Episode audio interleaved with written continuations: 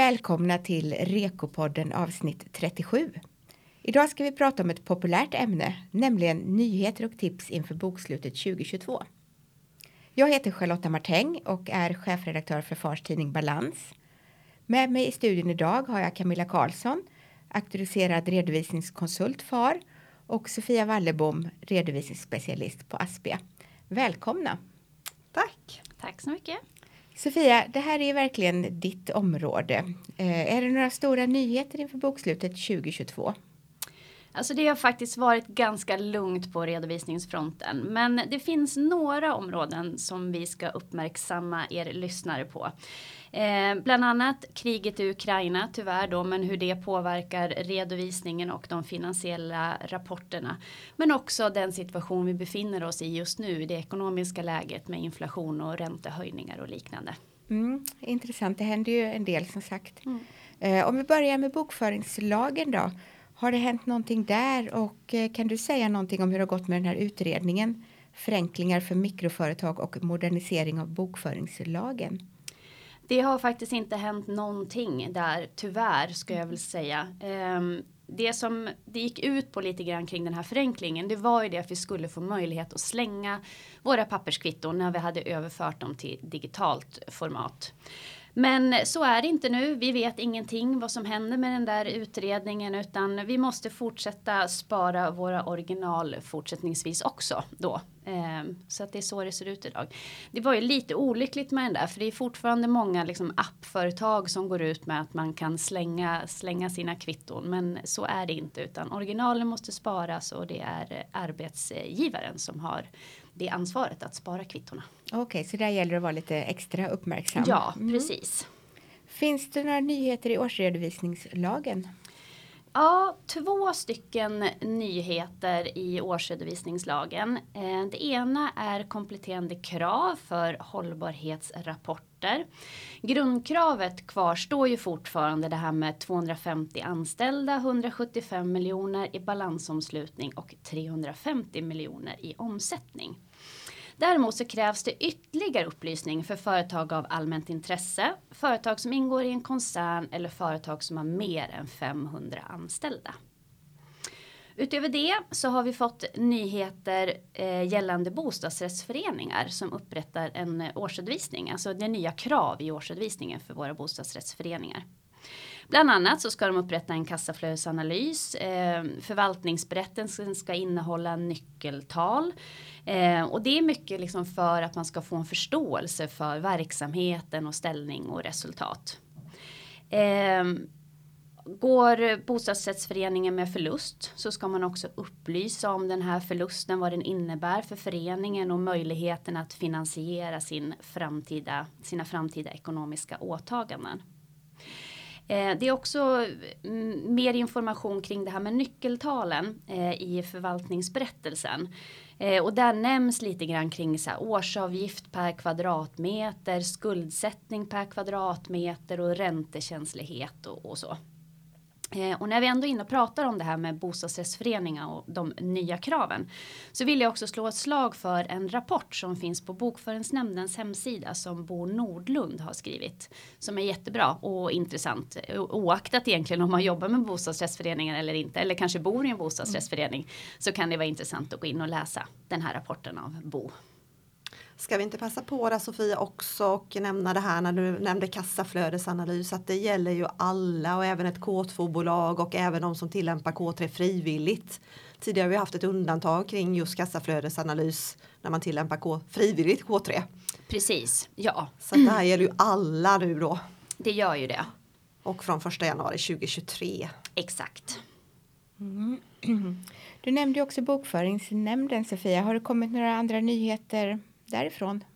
Ja, de har släppt eh, lite olika saker på sin hemsida. Bland annat så har det kommit en rapport kring kryptotillgångar och det var ju KPMG som fick i uppdrag att ta fram den här rapporten. Så den finns att läsa på Bokföringsnämndens hemsida. Och sen står vi faktiskt inför en översyn av både K3 och K2 normeringen. Lite grann vad den här översynen kommer att innebära så är det att man ska titta på vilka företag som ska få tillämpa K2-normeringen.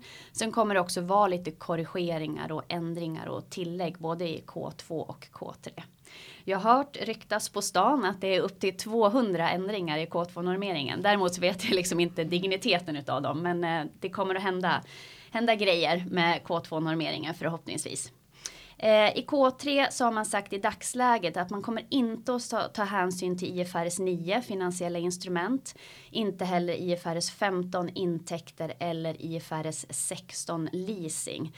K3 är ju mångt och mycket en spegling av IFRS för SME men just de här standarderna kommer man inte att ta hänsyn till just nu i varje fall i uppdateringen.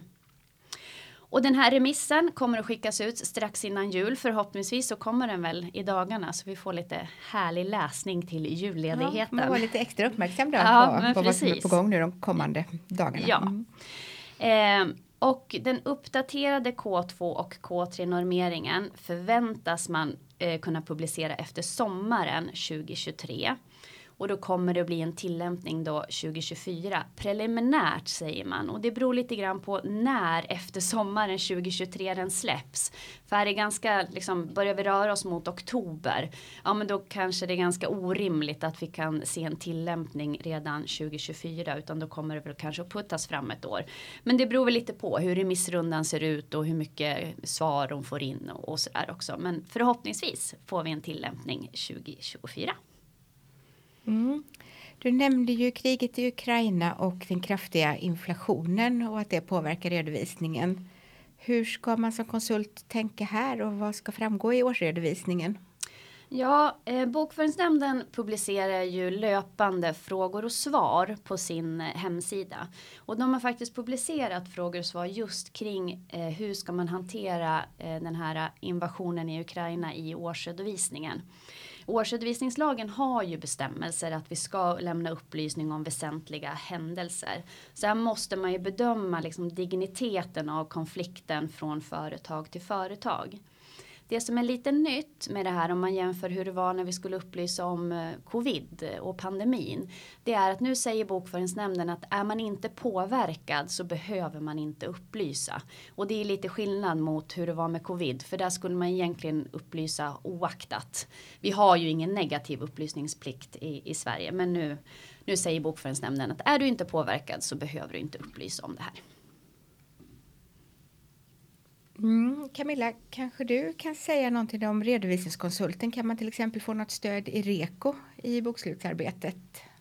Eh, ja, absolut kan man ju få det. Inte själva bokslutsarbetet när vi pratar om redovisningsfrågor, men du kan ju definitivt få stöd i, om den goda yrkesseden, hur man ska hantera ett uppdrag. Och här pratar vi ju allt ifrån när vi antar ett nytt uppdrag, när vi omprövar det, uppdragsavtal, förståelse av verksamheten, planering, utförande och rapportering. Så här kan ni ju hämta stöd i de bitarna i det processtänket. Eh, jag vill också passa på att uppmärksamma att jag ju faktiskt poddat om eh, den nya utgåvan Reko 2023 så har ni inte lyssnat där så är mitt tips att eh, göra det också. Mm, bra idé. Lyssna gärna på våra tidigare poddar. Och jag tänker också det finns ju fördjupningsartiklar på Balans webb.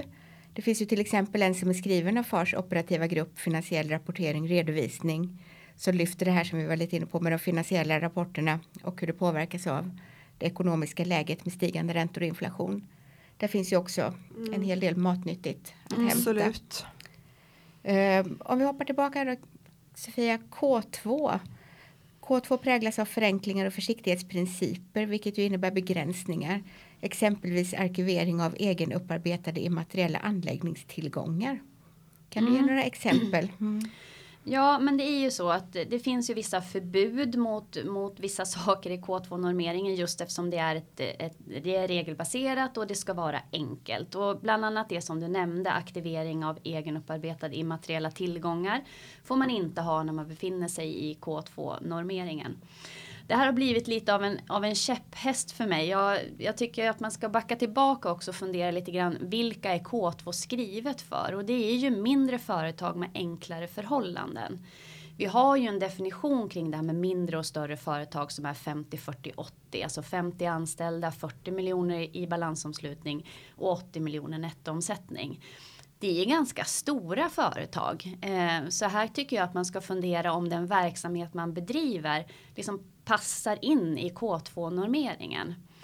Jag har fått ganska mycket frågor till exempel om aktierelaterade ersättningar. Eh, att man vill erbjuda sina anställda mer än bara lön. Eh, och det är någonting som är ganska oreglerat i K2-normeringen. Så har man den typen av transaktioner tycker jag att man passar bättre in i K3 istället.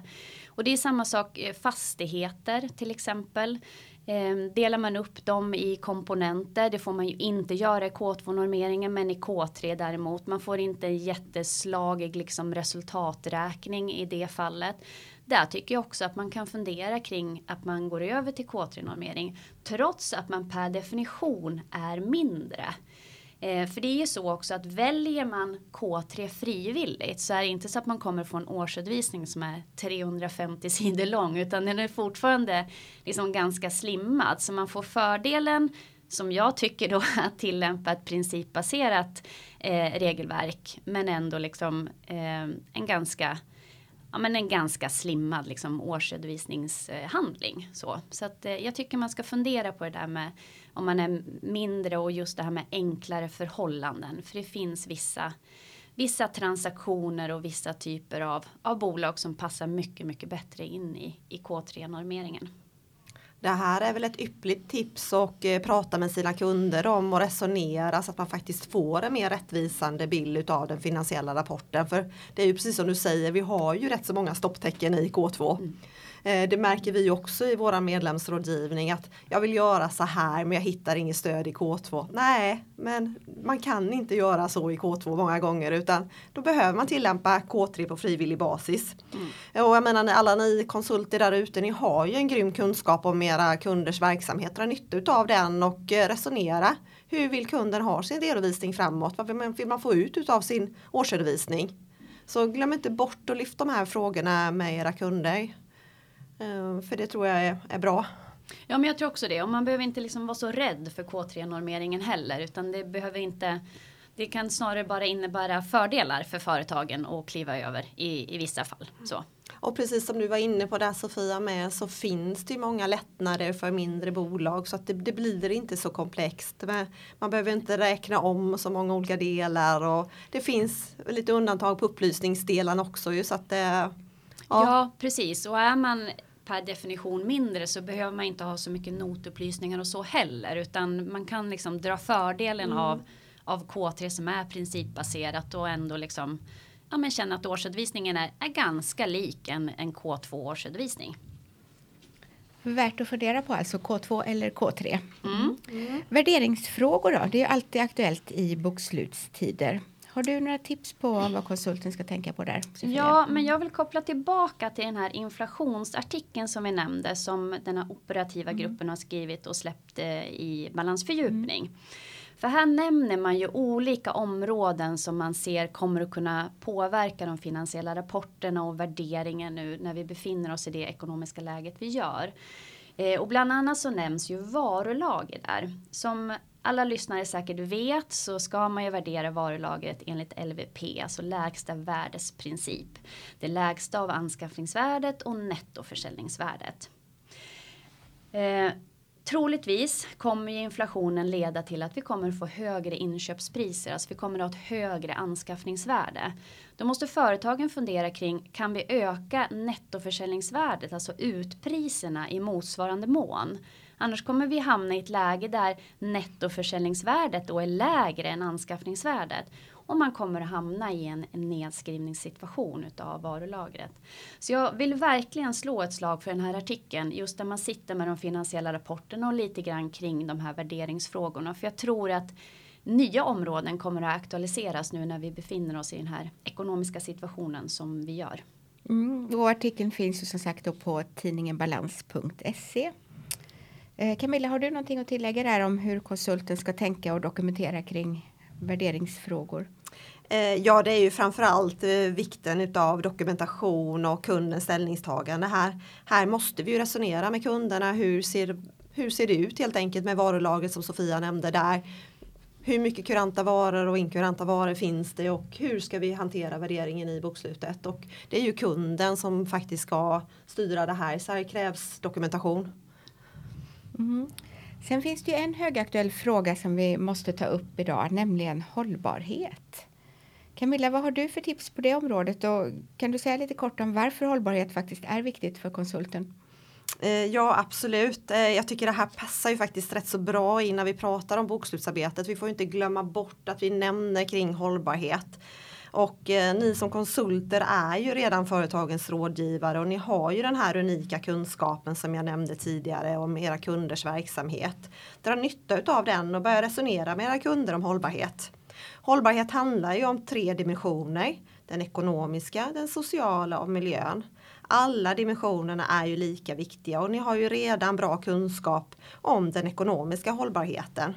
Ni är medvetna om att företagsekonomi kan påverka omgivningen, anställda, kunder, ägare, investerare med flera.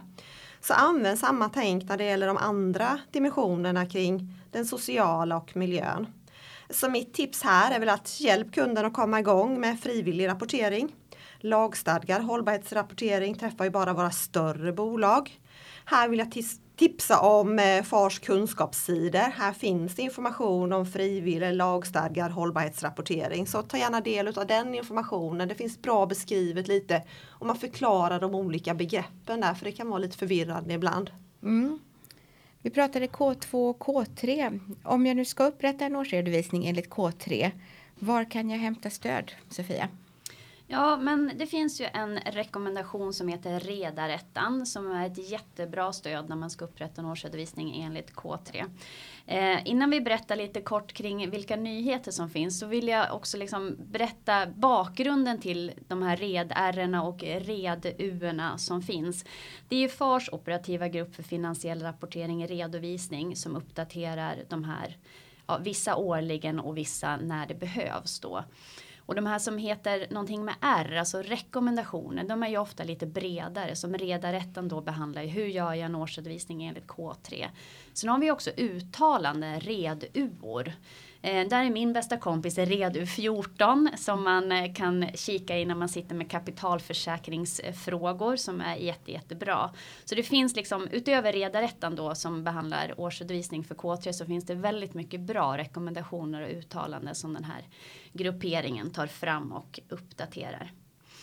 Men som sagt, de uppdaterar, uppdaterar redarätten årligen eh, och i år har det varit några få eh, uppdateringar och lite förtydligande. Eh, bland annat så har man gjort ett förtydligande kring det här med aktuell skatt. Att det bara är inkomstskatt. Ehm, det finns också ett förtydligande kring not om storleken på temporära skillnader. Eh, även första förhöjda leasingen. Alltså förtydligandet är att den del av utgiften för första förhöjda leasingen som ska periodiseras över leasingperioden.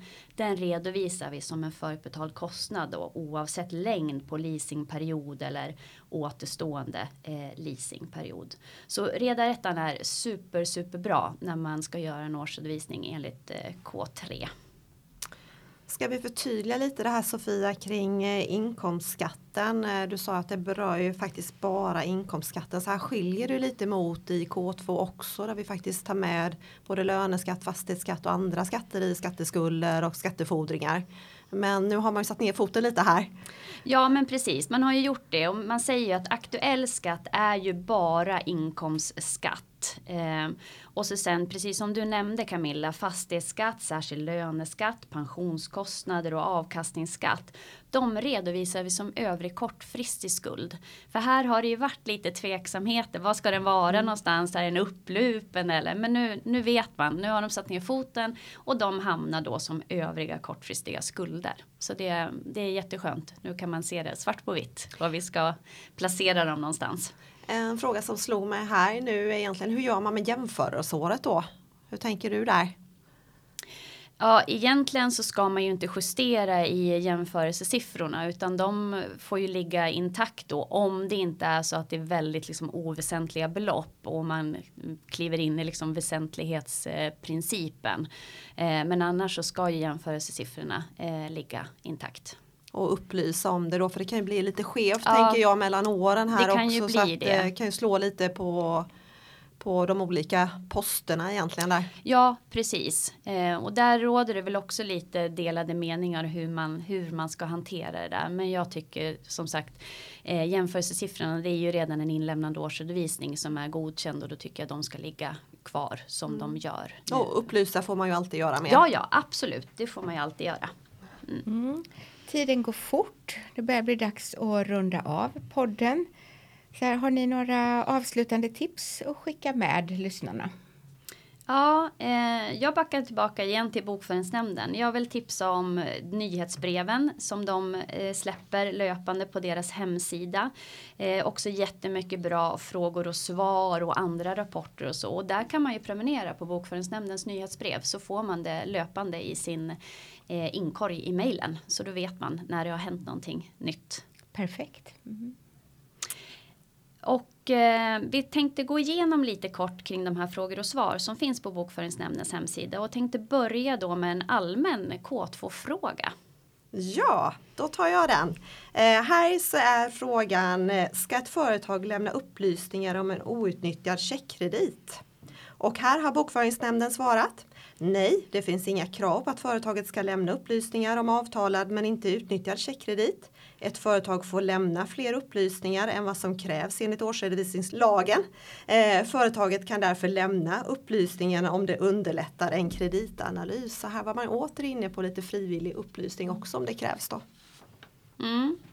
Vi har ju varit inne på det här med immateriella tillgångar tidigare. Eh, och eh, här finns det också en fråga om överföring till fond för utvecklingsutgifter om den ska tillämpas retroaktivt, det vill säga på utgifter som aktiveras innan den här bestämmelsen trädde i kraft. Och här säger då bokföringsnämnden att det är nej på den. Bestämmelsen gäller för utgifter för egen ut, eh, eget utvecklingsarbete som aktiveras från och med räkenskapsår som inleds närmast efter 31 december 2015. Och bestämmelsen om överföring till fond för utvecklingsutgifter den har vi i vårt fjärde kapitel andra paragrafen i årsredovisningslagen. Och vi kan ju också passa på att nämna här att nu pratar vi ju eget utvecklingsarbete. Den här fonden finns ju då bara i våra eh, K3-bolag. För att vi får ju inte ha egenutvecklade immateriella tillgångar i K2. Eh, inte, eh, men däremot så får vi ha förvärvade eh, immateriella tillgångar både i K2 och K3. Men då har vi ju ingen tillhörande fond till dem.